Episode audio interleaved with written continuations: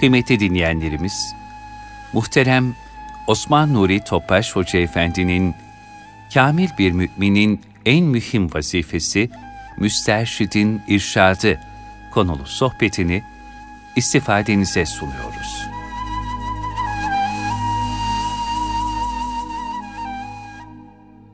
Resulullah sallallahu aleyhi ve sellem Efendimizin aziz, latif, mübarek, pak ruhu tayyibelerine, ehl-i beytin, eshab-ı kiramın, enbiya-i zaman, saadat-ı kiram hazaratının, şehitlerimizin ve cümle geçmişlerimizin ruh şeriflerine, dinimizin, vatanımızın, milletimizin selametine, hastalıklardan, iptilalardan, musibetlerden muhafazasına, bu niyaz, bu dua ile bir Fatiha-i Şerif, üç İhlas Allah'ımız.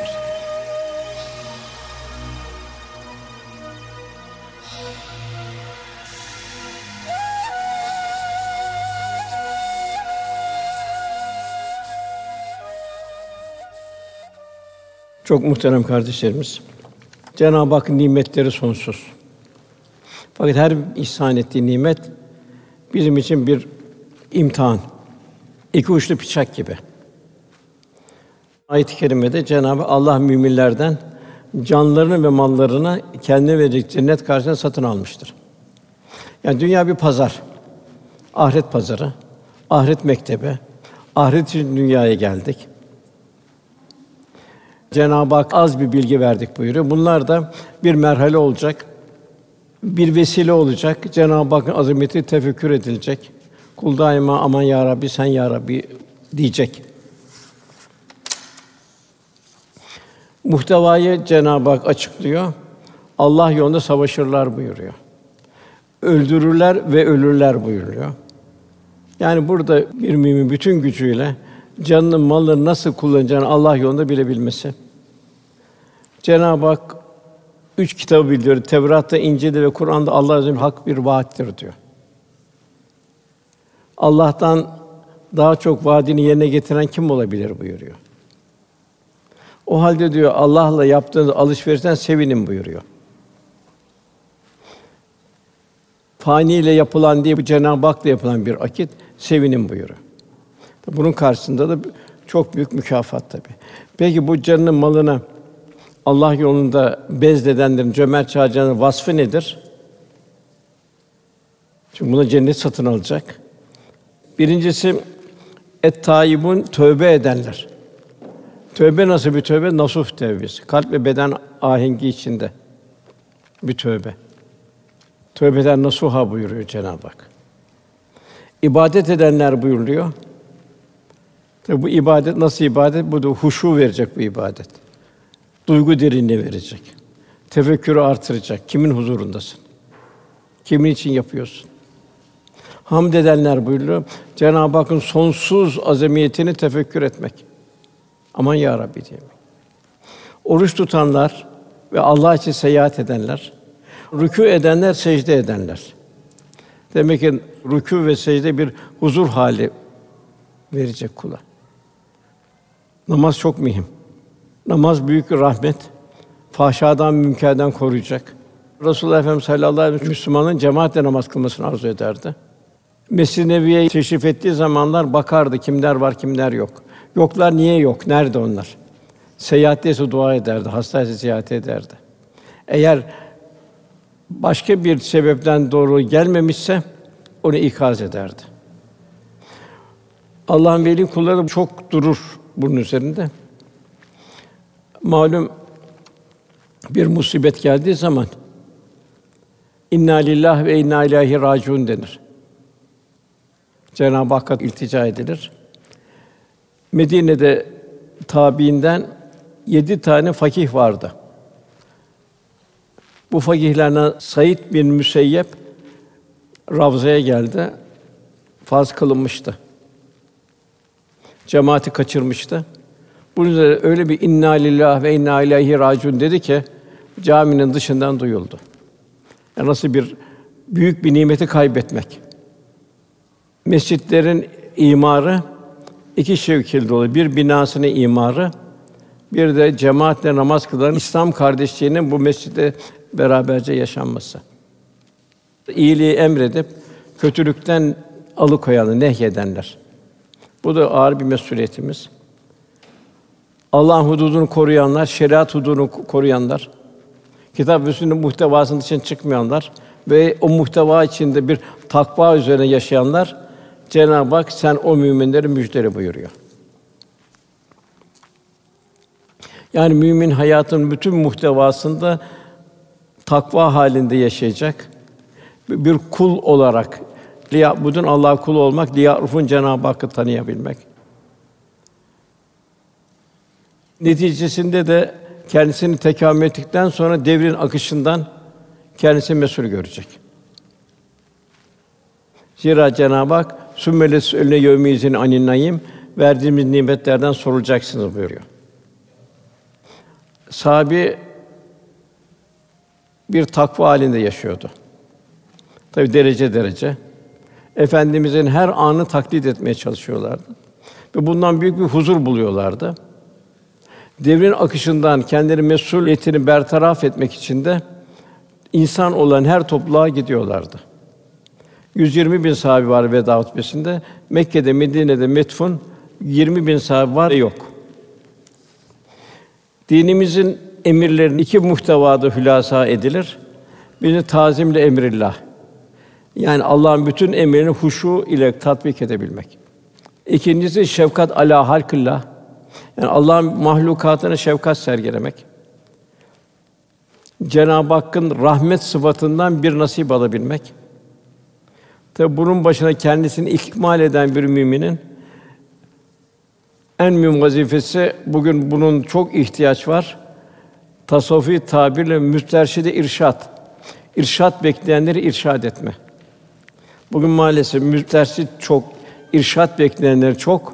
Fakat irşat etme durumu maalesef az olmuş oluyor. Hatta bu irşada menfi taraflar var.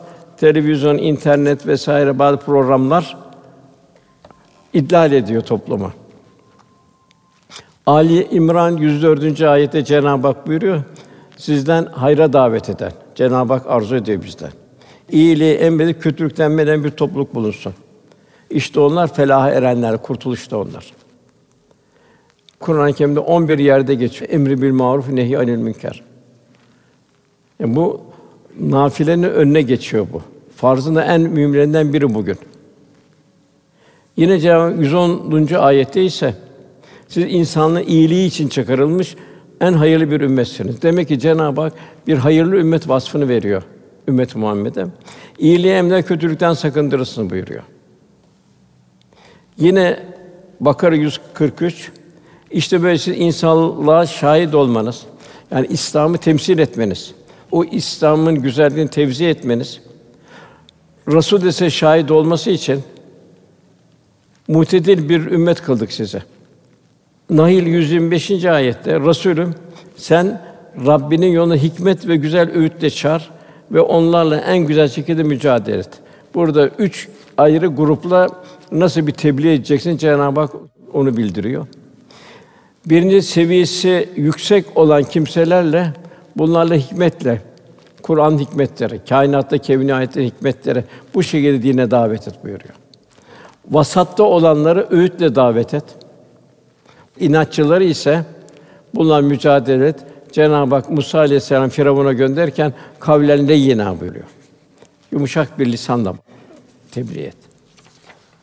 Bir zaman ve mekanda din hayatı zayıflarsa bugün olduğu gibi insanların yanlış yollara kaydı görülürse bu e, emri bil maruf nehi anil münker çok daha ehemmiyet kazanmış oluyor. Evet, bütün emirler yapılacak. Kendimi ihya edeceğiz. Fakat emri bil maruf ihmal edilmeyecek. Bir misal vermek arzu edersek bir annenin en güzel vasfı evladına süt vermesidir yavrusuna. Fakat yangın çıktığı zaman o süt vermeye devam eder mi? Verse hem kendisi yanar hem yavrusu yanar. Ne yapacak? Yangını söndürecek. Yani bugün emri bil maruf bu kadar bir ehemmiyet kazanıyor. İnsanlar baktığımız zaman Kur'an'ı ifade zulümen cehula. Çok zalim çünkü kendisinin istikbaline helak ediyor. Düşünmüyor. İkincisi cehul, Niye dünyaya geldi? Kimin mülkünde yaşıyor? Kimin nimetlerini perverdi? Geliş ne, gidiş ne, bu akış nereye farkında değil. Velhasıl bir yangın, manevi bir yangın. Kalpler bir yangın yeri. Merhametten, şefkatten, zikirden mahrum bir kitle. Gönüller bir yangın yeri, iman ve ruhaniyet pınarından mahrum. Yuvalar bir yangın yerine döndü. Hale rıza, kanaatten mahrum, devamlı boşanmalar artıyor. İşte böyle bir zamanda hakkı ve hayrı tebliğ etmek çok mühim kazançlı bir hizmet olmuş oluyor. Bir mümin imanının bedelini Cenab-ı Hakk'a ödeme mecburiyetinde. Zira biz meccanen Müslüman olarak dünyaya geldik. Fakat sırf iman etmek, iman ettim demek kafi değil. Cenab-ı Hak Ankebut ikinci ayetinde insanlar imtihandan geçirilmeden sadece iman et demekle kurtulacaklarını mı zannediyorlar buyuruyor. Cenab-ı Hak hep bize nimetlerini bildiriyor. Câsiye suresi 13. ayette göklerde ve yerde ne varsa amade kıldık. Düşünen bir toplum için buyuruyor. Güneş amade, ay amade, atmosfer amade, toprak amade, her şey amade insana. Hep kevni ayetler. Cenab-ı Hak bu nimetlere mukabil bizden fedakarlık istiyor. Kendisini ihsan etmiş olduğu mal ve canı ve nimetlerini Allah'ın kullanabilmek. Tabi bu can ve mal buyruğunu tabi diğer mesela Fussilet suresinde gözler buyuruyor. Onu gözler de konu. Bu gözler neler seyretti? Cenab-ı bu gözü niçin verdi? Gözler neler seyretti? Kulaklar konuşacak buyuruyor. Allah bu kulağı niye verdi? Bu kulağımız neye muhatap oldu? Kitabını oku, bugün nefsin kafidir buyurulacak, ekranda çıkacak. Deriler konuşacak, gücü kuvveti nerede sarf ettik? Velhâsıl fedakarlık, hakka yakınlık ve dostun birinci şartı. Yani İbrahim Aleyhisselam Halullah oldu. Dost oldu. Neyle dost oldu? Canıyla dost oldu. Malıyla dost oldu, evladıyla dost oldu. Cenab-ı Hak İbrahim Aleyhisselam'ı sena ediyor. Evladını dost olurken bıçağı dayadığı zaman Cenab-ı Hak İbrahim selam diyor. Bu zor bir imtihandı buyuruyor. Tabi bugün düşünmemiz lazım. Evladımızı biz nasıl yetiştireceğiz? İbrahim Aleyhisselam feda ediyordu. Yine Cenab-ı Hak Fussilet suresi 33. ayette bizim nasıl bir mümin olmamızı istiyor. İnsanları Allah'a çağıran, Cenab-ı Hakk'a davet eden. Birinci şart. Ameli salih işleyen, amellerimiz salih olacak. Ben Müslümanlardanım diyen, yani İslam karakter, İslam şahsiyetini tevzi edecek kişiden daha güzel sözü kim vardır buyuruyor. Yani mümin yaşayacak, yaşayarak tebliğ edecek. Resulullah Efendimiz iki serhoşluğu bildiriyor. Birincisi cehalet serhoşluğu ve mecazi olarak. İkincisi dünyaya aşırı düşkünlüğün serhoşluğu. Cenab-ı Hak kendimizi, evlatlarımızı korusun, muhafaza eylesin. Cenab-ı Hak bize misal olarak bizim muhacirlerle ve ensarla yani sahabiyle kendimizin halini kıyas etmemizi arzu ediyor. Bazen diyoruz ki biz de bu topluma göre iyiyiz. Yok Cenab-ı Hak öyle değil. Siz Eshab-ı Kiram toplumuna göre, o faziletler medeniyeti inşa eden o topluma göre kendimizi kıyas edeceğiz. Velhâsıl Eshab-ı Kiram nasıldı? Nasıl bir takva yaşıyordu? Bir gölgenin sahibine ona itaati gibi, sadakati gibi Allah Resulü'nü iz iz takip ediyorlardı. Ve efendimizin etrafında bir pervane gibi oldular. Ve efendimizin muhabbetiyle can buldular.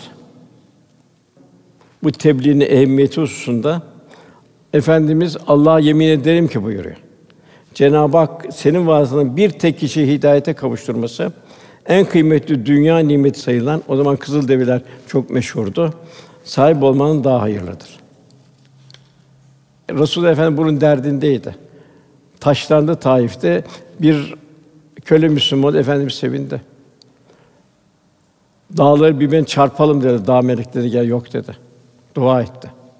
İnşallah bunun halkının neslinden müminler gelecek. Hakikaten de öyle oldu Mekke sonra. Yine efendimiz buyuruyor. Bizden bir şey işitip onu aynen işittiği gibi başkasına ulaştıran kimsenin Allah yüzüne ak etsin. Demek ki hadis-i şerif okumak, tatbik etmek ve intikal etmek de bu kadar mühim. Hidayete davet eden kimsenin kendisini uyanların sevabı kadar sevap yazılır. Onun sevaplarında hiçbir şey eksilmez. Failihi buyuruluyor. Kimin Allah'ın bir tek saçı ağrırsa, biyolojik olarak değil de Allah yolunda gayretinden dolayı ağrırsa bu kıyamet günü onun için bir nur olur. Yine sabah ve akşam Allah yolunda birazcık yürüyebilmek dünya içindekilerden daha hayırlıdır. Hak dostları bu gaflette olanları şöyle bildiriyor. Üç türlü insan Allah'tan uzaktır. Birincisi rahatlıklarını hesaplayarak hizmetten kaçanlar. İkincisi hassas oldukları öne sürerek ızdırap ve sefaletlerin civarına yaklaşmayanlar. Üçüncüsü Allah'ın zalimler topluluğuyla beraber olanlar, onların havasına uyanlar.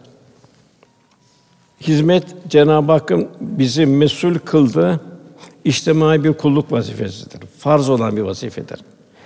İmanın ilk meyvesi merhamettir. Merhametin tezahürü de hizmettedir. Hizmet esasında vicdanların olgunluk seviyesini aksettiren en güzel bir ayna. Yani hizmet kişinin vicdanının bir kart viziti mahiyetinde. Hizmet yine nefsin hodyanlığından kurtularak diyargan bir ruhla mahlukata yönelmek suretiyle Allah rızasının aranması. Yani peygamberler, halk dostları, salih sadık mümin hep hizmet basamakları üzerinde yürümüşlerdir. Bahattin Nakşibendi Hazretleri yedi sene hasta hayvanlara, hasta insanlara ve mahlukatın insanı geçici yolları temizlemiştir. En çok derecede burada aldım buyurmuştur. Aslımız nasıl? Aslımıza maalesef vicdanlar dumura uğradı. Küresel güçler vicdanları harap etti. Viraneye döndü vicdanlar. Bir misal Efendimiz bir sefere iştirak etmişlerdi. Hava pek sıcaktı. Sahabenin bir kısmı oruçluydu. Nafile oruç, bir kısmı değildi. Oruçlu olanlar yorgundan uykuya dalıyorlardı. Oruç tutmayan ise onlara pervane sallıyorlardı. Bir de onlara su taşıyorlardı abdest almaları için. Hayvanları sulamak için de su taşıyorlardı. İftar vakti geldiğinde Resulullah sallallahu aleyhi ve sellem bugün oruç tutmayanlar daha fazla ecre nail oldu. Oruç çok mühim bir ibadet. İnsanın merhametini bile ediyor. Cenab-ı Hak yaklaştırıyor. Fakat demek hizmet onun daha ötesine geçiyor. Buhari hadisi bir şahıs yolda yürürken önü bir diken dalı gördü. Bir Müslüman buna takılır dedi. O dalı aldı, kenara koydu onu. Allah ondan razı oldu ve kusurlarını affetti buyuruyor. Yani bazen Allah'ın rahmeti ufak bir şeydi. Bazen orta, bazen büyük. Gadabı da öyle. Bir kadın kedisini ihmal ediyor, aç bırakıyor, kedi ölüyor. Resulullah Efendimiz bu kadın diyor cehenneme girecek duruma düştü buyuruyor. Bütün mahlukat insana zimmetli. Mevlana'nın güzel bir ifadesi var.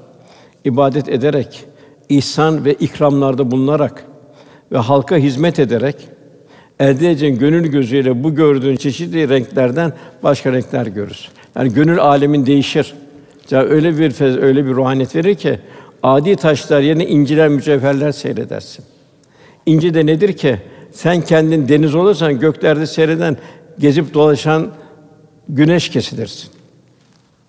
Yani müminin gönül alemi bütün mahlukatı içine alan bir rahmet dergahı olacak. Yüreğinde daima bir mahşer kaynayacak. Yani dertlerin derdi, kimsesizler, garipler vesaire muzdaripler yani kalp bir dergah haline gelecek. Mümin kalbi. Efendim hayatında hizmetliydi. Ravza yapılıyordu. Efendim de kerpiç taşıyordu. Biz taşıyalım efendim dediler. Yok dediler. Siz taşıyın. Beni serbest bırakın. Ben de Allah'ın rahmetini sizden daha fazla muhtacım buyurdu. Bedir'e gidilecek 150 kilometre bir mesafe. Tabi o zaman yokluk vesaire bir devi üç kişi kullanıyordu yolda. Sırayla biniyorlardı. Ebu Lübabe Hazreti Ali ve efendime bir deve düştü. Ebu Lübabe el Hazreti Ali, "Ya biz yürürüz." dediler. "Bizim mukavemetimiz var." dediler. "Siz deveye binin." dediler. "Yok." dedi. Beraber sırayla bineceğiz dedi. Demek ki daima öndeki örnek olacak. Yine efendimiz bir koyun kesilip pişirilecekti tenezzühte. Efendim ben keseyim dedim. Yok ya Resulallah dediler. Biz kezleri biz yüzeriz vesaire. Ben dedi o zaman çalı çırpı odun toplayayım buyurdu. Yani bir mümin her hizmetin içinde bir yer alacak. Hatta şöyle buyurdu efendimiz. Nasıl bir tevazu? Sizin benim işimi de yapabileceğini biliyorum. Yani odun toplayacağını biliyorum. Fakat ben size göre imtiyazlı bir durumda bulunmaktan hoşlanmam. Rahmeten lil alemin. Çünkü Allah Teala kulun arkadaşları imtiyazlı durumda olmasını sevmez. Yine efendimiz Habeşistan'dan bir elçiler geldi. Sahabeler ya biz dediler, ikram yok dedi. Abistan benim de ilk Müslüman kardeşlerime hizmet etti. Ben de onlara kendim hizmet edeceğim buyurdu. Vefa. Efendim mescid temizleyen siyahi bir hanım vardı. Kadıncağız. O göremiyordu. Neredeydi bu kadıncağız dedi. Hasta mı? Şey mi? Vefat etti dediler. Niye haber vermediniz dedi. Demek ki Resulullah Efendimiz hizmet edenin bu kadar ayrı bir emniyet veriyordu. Peki o zaman bana kabrini gösterin buyurdu. Kabre gitti, dua etti ve yanındakiler de istifade etti buyuruluyor. Efendim bir kimse ölürken mal bırakırsa o mal kendi yakınlarına aittir, terekeye aittir. Ben borç ve yetimler bırakırsa o borç bana aittir. Yetimlere bakmak da benim vazifemdir. Eshab-ı Kiram da öyle. Efendimizi örnek alıyordu. Onlar yaptıkları hizmeti küçük görüyorlardı. Eyyub el Ensari Hazretleri 80 küsur yaşında iki sefer İstanbul'a geldi. Nasıl bir ideal var? Nasıl bir yürek var? Vefatı yaklaşınca İstanbul'a yaklaştı. Malum Eyüp Semih'de vefat etti. Şu vasiyette bulundu vefat ederken. Şayet ölürsem beni yanınıza alın ve daha ileri götürün. Yani ayağınızı atabilen en son noktaya beni götürün bedenimi, cesedimi. Rum topraklarına doğru gücünüz yettiğince Rum toprağını yakın yere taşıyın. Düşman savaşı karşınızda beni oraya ayaklarınız altına defnedin. Yani vefatı ile beraber bir hizmet istikameti gösteriyordu. Yine malum bu kendinizi tehlikeye atmayın. Bakar 195. ayet bir Medineli kendisini Bizans'ın ortasına kadar sürdü. Öbür arkadaşı yanlış iş yaptı dedi. Ayete ters iş yaptı dedi. Ayet Allah yolunda infak edin, kendine de kendinizi tehlikeye atmayın. Bir de ihsanda bulunun. Allah muhsini sever buyuruyor. Bu kendisini tehlikeye attı. Ebelez yok dedi. Bu ayet bize indi dedi. Biz dedi efendimiz misafirperverlik ettik. Gazvelere katıldık. Canımızı malın bezlettik. Biz de artık hurmalıklara dönelim, Medine'ye dönelim, işlerimize bakalım. Bizden sonra gelenler devam etsin. Onun üzerine bu ayetinde kendinize kendi tehlikeye atmayın. Ne tehlikesi bu? Ahiret tehlikesi. Son nefes tehlikesi. Efendimiz ilim ve irfanla donattı. Ondan sonra krallara gönderdi. Niye gönder krallara? Emri bil maruf nehy anil münker. Ve sahabi severek gitti. Hatta bir yarıştılar. Bu hizmeti bize ver ya Resulallah diye. Cafer Tayyar Hazretleri 13 sene Habeşistan'da kaldı. Oranın Müslüman olana kadar dönmedi ki efendimize hasretti. Saymakla bitiremeyiz. Ukba bin Nafi Keyraman'a kaldı. Akdeniz'de karşılaştı. Ya Rabbi dedi, şu deniz olmasaydı senin yolunu cihat ederek önümüzdeki beldelerden tebliğe devam edecektim dedi. Yani hizmeti bir nimet bile bilmek. İnsanların en hayırlısı insanlara faydalı olandır buyuruluyor. Bu da çok mühim bir hadis-i şerif. Allah bir kuluna hayır murad ettiğinde onu insanların ihtiyaçlarını karşılama yolunda istihdam eder. Yine insanların öyleleri vardır ki onlar hayra anahtar, şerre kilittir. Öyleleri vardır ki şerre anahtar, hayra kilit. Allah korusun, hafazan Allah. Allah'ın ellerine hayır anahtarlığı verdiği kimse ne mutlu. Allah'ın şerrin anahtarını eline verdiği kimseye de yazıklar olsun buyur efendimiz. Burada tabii büyüklerin bu hizmet hakkında çok ayrı ayrı ifadeleri var. Bu hizmetin emri bil maruf hususunda. Tabii burada şu var. Günümüzde tavizler var. Bir takım yok oydu, bir şuydu, buydu kendine göre bir takım şeyler yapılıyor. Bunlar Allah korusun. Allah bize en güzel bir huzur yolunu verdi. Cenab-ı Hak secde et ve yaklaş buyuruyor. Medine'ye bir doktor geldi. Durdu dur hiç hasta olan yok gitti. Resul Efendimiz kimse hasta olmaz dedi. Secde ne yapıyor? Kalp ve beden secde ona bir ruhaniyet veriyor, huzur hali veriyor. Ve günümüzde maalesef secdeden uzak bir takım yanlış yerlere gidiliyor. Şeriattan taviz veriliyor.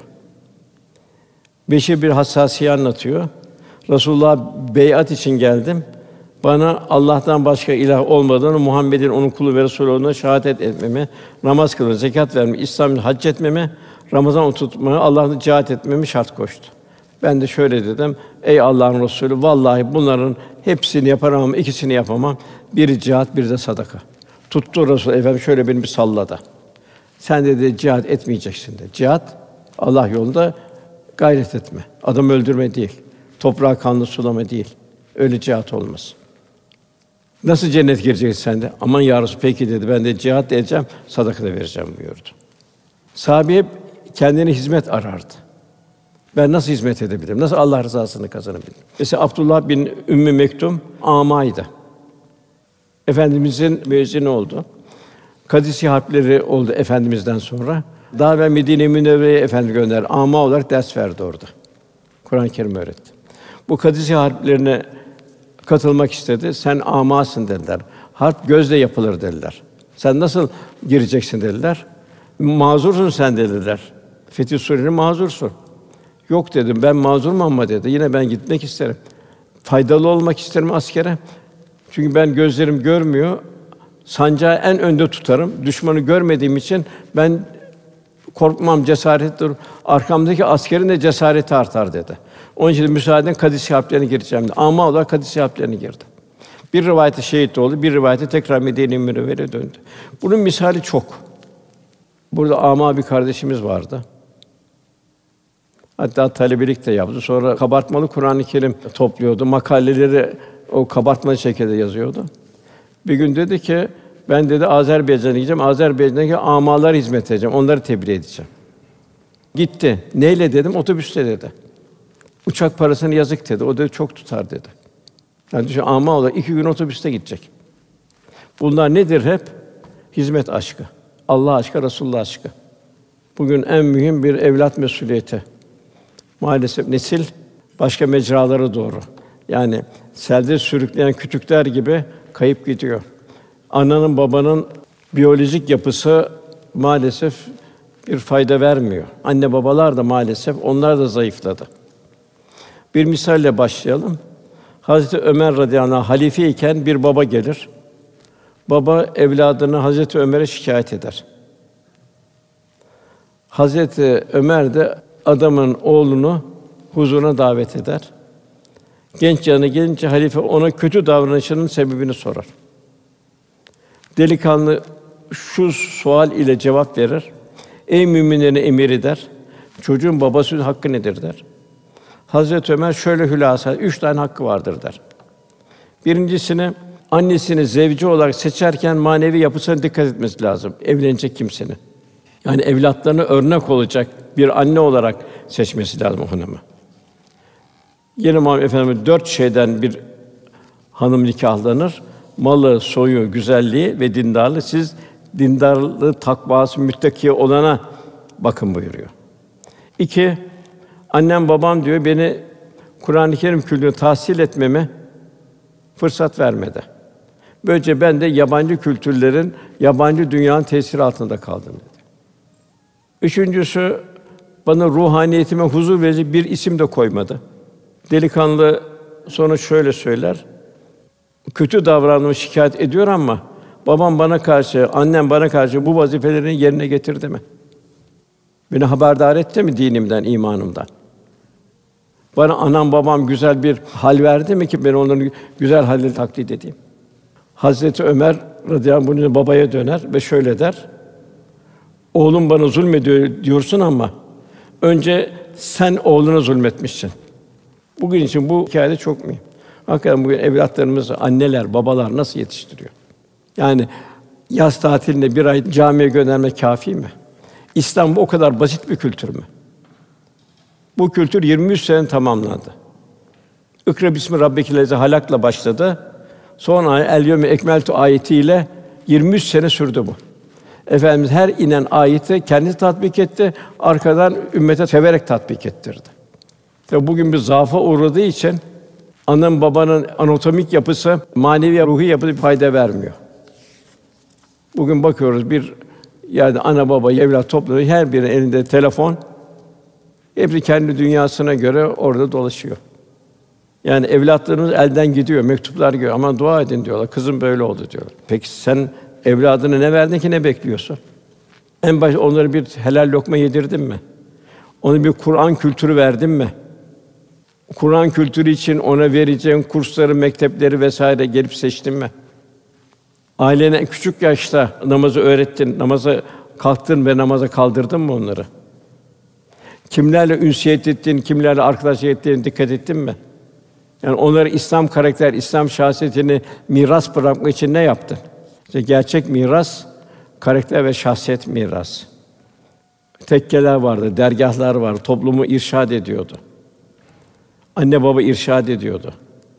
Bugün her taraftan hücum eden tehlikelere karşı evlatlarımızı muhafaza etmek zor fakat zaruret halinde. Toplumların hayatiyetini yetişen nesiller sürdürür. Bir toplum manevi kıymetlerini nesle öğretemezse o kıymetler sahipsiz kalır ve yok olur. Bugün olduğumuz gibi maalesef bir takım batıdaki süfli insanlar taklit ediliyor. Mehmet Akif'in dediği gibi sahipsiz olan memleketin batması haktır. Sen sahip olursan bu vatan batmayacaktır. Bu vatan emanet, din emanet, vatan emanet.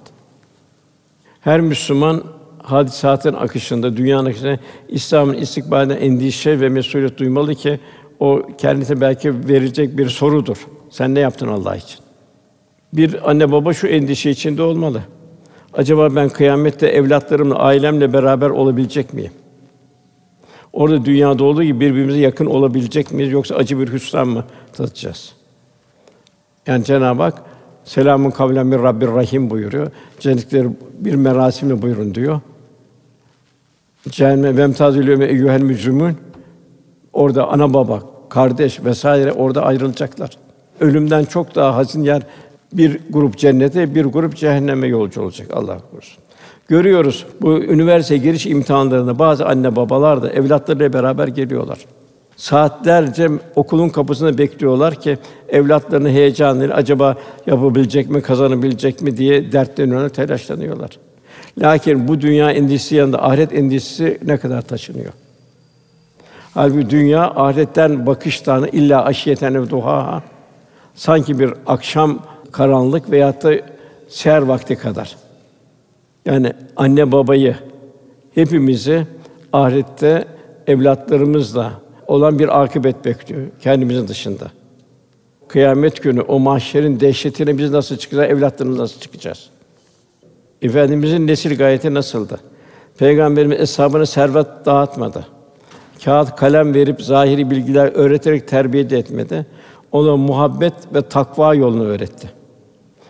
Bir gönül terbiye etti. Fiili kısa sonra tatbik ederek, yaşayarak ve yaşatarak öğretti. Onun için en mühim anne babaların numune olması. Zeyd bin Harise, Üsame bin Zeyd, Musab bin Umeyr, Cafer Tayyar, Zeyd bin Sabit, Abdullah bin Ömer hepsi 15-20 yaşlarının arasındaydı. Efendim onlarla meşgul oluyordu. Enes hakeza 10 yaşında geldi. 10 sene kaldı. Efendimiz vefat edince de o 80 sene kadar yaşadı. Her gördüğüm rüyada diyor, Resulullah görmediğim bir rüya yoktur diyor. Ona hasretim diyor. Nasıl bir terbiye? Kıyamette diyor yanına gideceğim diyor. Ya Resulallah senin küçük hizmetçin geldi. Ne olur bu hizmetçinin yanına al diye yalvaracağım diyor.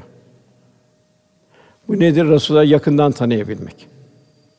İmam Malik Hazretleri ufak yaşta babam diyor bana diyor bir hadis bana hediye verir. Ben çocuğum. Bir hediye alayım diye bir hadis daha ezberledim. Öyle bir hale geldim ki babam vermesi bile zevk ve lezzet alıyordum. Ahmed İbn Hanbel Hanbeli mezhebinin imamı. Ben diyor 9-10 yaşından Kur'an-ı Kerim'i ezberledim diyor. Annem diyor beni diyor o Bağdat'ın soğuk günleri diyor sabah namazı kaldırırdı diyor. Fakat diyor bana su ısıtırdı diyor. Öyle abdest aldırırdı. Bir de çarşafını giyinirdi.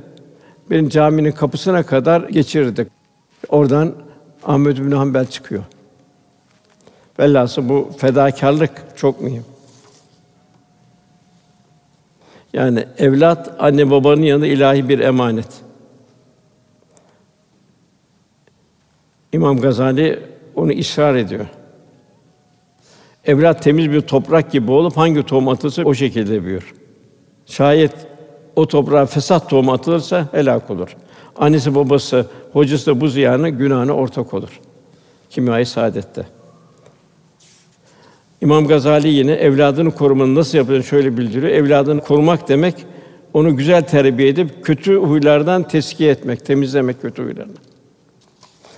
Ona ahlaki faziletler öğretmek, kötü arkadaşlardan, kötü çevrelerden korumak, heva hevesi içine bırakmamak, onu dünya alayişine, zinetlere fazla düşkünlüğünü kaldırmak, gaflet mekanına uzakta tutmak.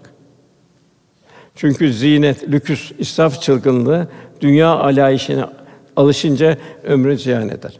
Bugün ne diyor? Aman diyor bu küçüktür, daha çocuktur. Zevkini alsın diyor. Sonra bırakır diyor. Yani bu neye benziyor? Ağzına sigara ver, sonra sigara zevkini alsın, sonra sigara içmez gibi bir şey. Tam böyle avami bir laf. Onun için efendimiz hep telkin etti, ufak yaştan evlatları sahip olacak. Tabi anne babaya muhabbet duyacak. Ömer bin Abdülaziz Emevi halifesi. Ona beşinci halife diyorlar. Sütçü kızında torunu olmuş oluyor. İki buçuk senelik bir hilafeti var. İslam tarihine en büyük imza atanlardan biri. Bulduğu zaman huzur içinde her taraf. Her yer birbirine bugün bu gece ne kadar Kur'an-ı Kerim okudun, ne kadar infak ettin, ne kadar hizmette bulundun, daima birbirini teşvik olarak sorarlarmış. Hatta öyle bir oluyor ki zekatlar birikiyor. Ömer bin Hafsa valiler mektup yazıyor, zekat verecek fakir bulamıyoruz diyorlar. Ne yapalım diyorlar. Hatta bir çiftliğe kurtlar hücum ediyor çiftliğe. Çiftlik sahibi diyor ki o zaman kadar öyle bir şey yok. Herhalde bugün Ömer bin Abdülaziz vefat etti diyor. Öyle bir ruhaniyetli bir şey. Ona diyorlar ki Ömer bin Abdülaziz'e sen neyin var neyin yok Allah yolu sarf ettin diyorlar. Fakat evladına ne bıraktın diyorlar.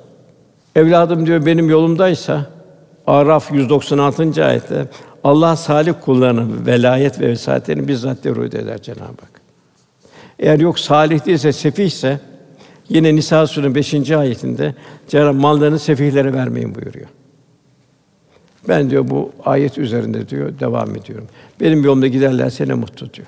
Gitmelilerse benim yapacağım bir şey yok diyor. Hazreti Ömer Baki kabristanını gezdi. Yanından geçerken şöyle diyordu kabristandan. Allah'ın selamı üzerinize olsun ey kabir ehli. Buradan soracak olursanız hanımlarınız başka alemde, evleriniz başkaları oturuyor. Mallarınız miraçları dağıtıldı. O zaman diyor Ömer radıyallahu bana hatiften bir ses geldi. Ya Ömer, sen de buraları soracak olursan kabir ehli diyor. Önden ne göndermişsek burada onu bulduk. İnfak ettiğimiz şeylerden karlı çıktık. Karşılığını fazlasıyla aldık. Geride bıraktıklarımızla bugün de bıraktığımızdan zarar ettik. Daima ecdat bu Balkanlar fethedildiği zaman Anadolu'nun daima temiz halk yerleşti. Bir İskan politikası başlandı. Onun halkı da bu Anadolu'nun temiz halkının yaşayışını görerek bunlar ne güzel insanlardı. Bunların dinleri ne güzelmiş dedi. İslam'a girdiler. Bugün maalesef bu iyice azaldı. Osman Gazi'nin oğlu Orhan Gazi yaptığı vasiyetin bir kısmı şöyle. Bil ki diyor bizim mesleğimiz Allah yoldur, maksadımız onun dinini yaymaktır. Gayemiz kuru bir cihangârlık değil, ilahi kelimetullah'tır. Oğlum sen de benim yolumdan yürü. Allah ve kullarının hakkında gözet, adaleti tevzi et.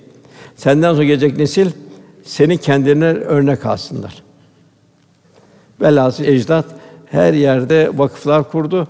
Vakıflarla da o toplumun insanlarını ihya etti. Hem maddi hem manevi. İbn Haldun meşhur sosyolog diyor ki geçmiş hadiseler gelecek olanlarla suyun suya benzemesi kadar daha çok benzer. İşte bizim dünyamızda bugün bu felaketin karşısında görüyoruz. Ahiret unutuldu. Dini duygular, ahiret duyguları zayıfladı. Velhâsıl bugün bir ümmet Muhammed olarak vazifemizde hem ecri bol, ihmal edilirse mesuliyeti ağır. Ahir zamanda nice fitneler meydana gelecektir. İşte görü ahlaktaki fitneleri, muamelat fitneleri. Bunlara karşı bir tek çare evlat ve nesil yetiştirmektir. Aylardır dünyayı tesir altına alan salgın hastalıklarda bir Müslüman bu gayretlerini ortadan kaldırmamalıdır. Elden gelen bütün tedbir ve çarelere ve hizmete, emril marufa, evlat yetiştirmeyi ihmal etme durumuna düşmemelidir. Pınarın başında olan bir kimse gelen bir bir bardak su ikram etmesi güzel bir şey. İkram etmiş oluyor. Çölde susuz kalmış, ölüm tehlikesine maruz kalmış birine bir bardak su vermek aynı kıymette değildir. İkisi de bir bardak sudur. Fakat biri hayat kurtarır, öbürü bir susuzluğunu giderir. Bu sebeple günümüzde emri bil maruf nehy anil münker hizmet, evlat ve nesil yetiştirmek için verilen emekler iki cihanda biizni Teala çok kıymetli neticeler verecektir. Fakat kardeşler sene sonu geliyor. Ay ve güneş ilahi kudret, azamet ve sanatın iki büyük tecellisi. Ay ve güneş. Yunus Suresi 5. ayet. Günü ışıklı, ayı da parlak kılan, yılların sayısını ve hesabını bilmesi için ona ayı bir takım menziller takdir eden odur. Buyuruluyor ayet-i kerimede. İster kameri, ister şemsi yıl başında mümine düşen geçen senenin muhasebesini yapıp hata ve kusurların telafi için istiğfar ve salih amellere yönelmek, ömründen kalan kısmının geçen kısmından daha hayırlı olması için gayreti diniyede bulunması, onu artırmaya gayret etmesi lazım. Unutmayalım ki günleri ve geceleri yaratan, ayları ve yılları yenileyen Rabbimiz kıyamet günü hepimiz ömür nimetinden hesaba çekecek. Kitabını oku bugün nefsin kâfidir denecek. O zorlu gündeki hesabımızın kolay olması için bugün kendimizi sık sık hesaba çekip hayatımıza iman ve salih ameller istikamet vermemiz elzemdir. Böyle bir muhasebeyle ihya edilmesi gereken bir zamanı Cembel aslı bir zamanı yemin olsun diyor. Gayrimüslimin adetlerini özenerek İslami değerleri bağdaşmayan gafilane eğlenceler, azgınlık tufanlarında ziyan etmek hiçbir Müslümana yakışmaz. Fakat bu nevi davranışlara meyleden din kardeşlerimiz varsa onları yumuşak, tatlı bir lisan, nazik bir üslupla ikaz etmek de bir iman mesuliyetimiz. Gayrimüslime benzemekten sakınmak, İslam şahsiyet ve vakarını muhafaza etmenin en mühim şartlarından biridir. Bu zaruridir. Bunun için Peygamber Efendimiz ibadetlerde bile gayrimüslimlere benzemek yasaklamış. Zira gayrimüslimlere benzemek onların nefsani hayat tarzını taklit etme hastalığı imanı tehlikeye atma hususlarından biridir. İman temelinde çözülmelerin, fikri ve ahlaki yozlaşmaların birçoğu bu tür taklitlerden başlar. Taklit zamanla alışkanlık ve huy haline gelir. Bunun için hadis-i şerifte men teşebbe bi kavmin fe ve minhum kim bir kavme benzemeye çalışsa da o onlardandır buyuruyor. Cenab-ı Hak ayet-i kerimede şöyle beyan etmektedir. Allah ve Resulüne itaat ederse işte onlar Allah'ın kendi lütuflarda bulundu. Peygamberler, sıddıklar, şehitler, salihlerle beraberdir. Bunlar ne güzel arkadaşlardır. Yani ihtina sıratel müstakim sıratel lezine en amte aleyhim. Nimet verdikleri. Nimet verdi kimler? Peygamberler, sıddıklar, şehitler ve salih kişiler. Ondan sonra ne göre gayrı mağdubi aleyhim dalin dalaletliklere benzememek. Velhasıl Müslüman hayatının her safhasında İslam şahsiyet, karakter ve vakanın yaraşır bir duruş sergileyip gayrimüslim adetlerinden uzak durmakla mükelleftir. Cenab-ı Hak insanı muhteşem cennetlere davet ediyor. Bu davet icabet edebilmek için konu mükerrem olması zaruri. Mükerrem olabilmenin temel şartı da hayatımızın her safında kitap ve sünnet muhtevası içinde hayatımızı devam ettirmektir. İnsan şahsiyetine en çok tesir eden iki müessir vardır. Bir ülfet ettiğin kimsenin manevi durumudur. Cenab-ı Hak kûnû sadıkın buyuruyor. İki de kazancının ve yediğin lokmaların helaliyet derecesidir. Hal böyleyken günümüzde gayrimüslim adetleri olan yılbaşı eğlenceleri adı altında milyonlarca piyango biletin satılıyor olması son derece hazin bir durumdur. Piyango benzeri şans oyunları apacık bir kumardır. Kumar ise Allah'ın haram kıldığı bir fiildir. Zahiren kazananın da hakikatte kaybettiği hiçbir kazan olmayan asla huzur ve mutluluk getirmeyen musibettir. Haramdan gelen harama gider. Ayet-i kerimede ey iman edenler içki, kumar, dikili taşlar, fal, şans okları ona birer şeytan işi pisliktir.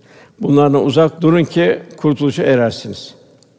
Yani Hristiyan aleminin mukaddes sayıp kutladığı yılbaşını kutlamak İslam şahitleri karakterine aykırıdır. Zira yegane hak dini olan İslam mükemmeldir. Mükemmelin ise artık hükmü bitmiş ve tahrife uğramış bir dinden alacağı hiçbir şey yoktur. Ayrıca hiçbir mukaddes gün nefsani eğlencelerle, haramlarla, şeytanın çılgınlıklarla idrak ve ihya edilmez. Sadece bu hakikat bile yılbaşının kutlamanın ne kadar batıl bir adet olduğunu göstermektedir. Evlatlarımıza bunu izah etmemiz lazım. Çünkü bunlar nefse hoş gelir. Hatta bakarız hep kasaplarda hindi satılır. Hindinin de bir Hristiyanlık bir alakası yoktur. Bu Kristof Kolomb Amerika'ya çıktığı zaman hindiler görüyor. Bu diyor bizim kutsi bir yemeğimizdir diyor. Oradan geliyor. Birçok kişi de hindi alıyor, hindi şey yapıyor. Evet hindi helaldir ama o gün yeme, başka gün ye. Bir evvel gün ye, bir sonraki gün ye. Cenab-ı Hak cümlemize verdiği çok büyük bir nimet. İslam'ı yaşamak, yaşatmak, İslam karakter ve şahsiyetini tevzi etmeyi nasip eylesin. Lillahi Teala Fatiha.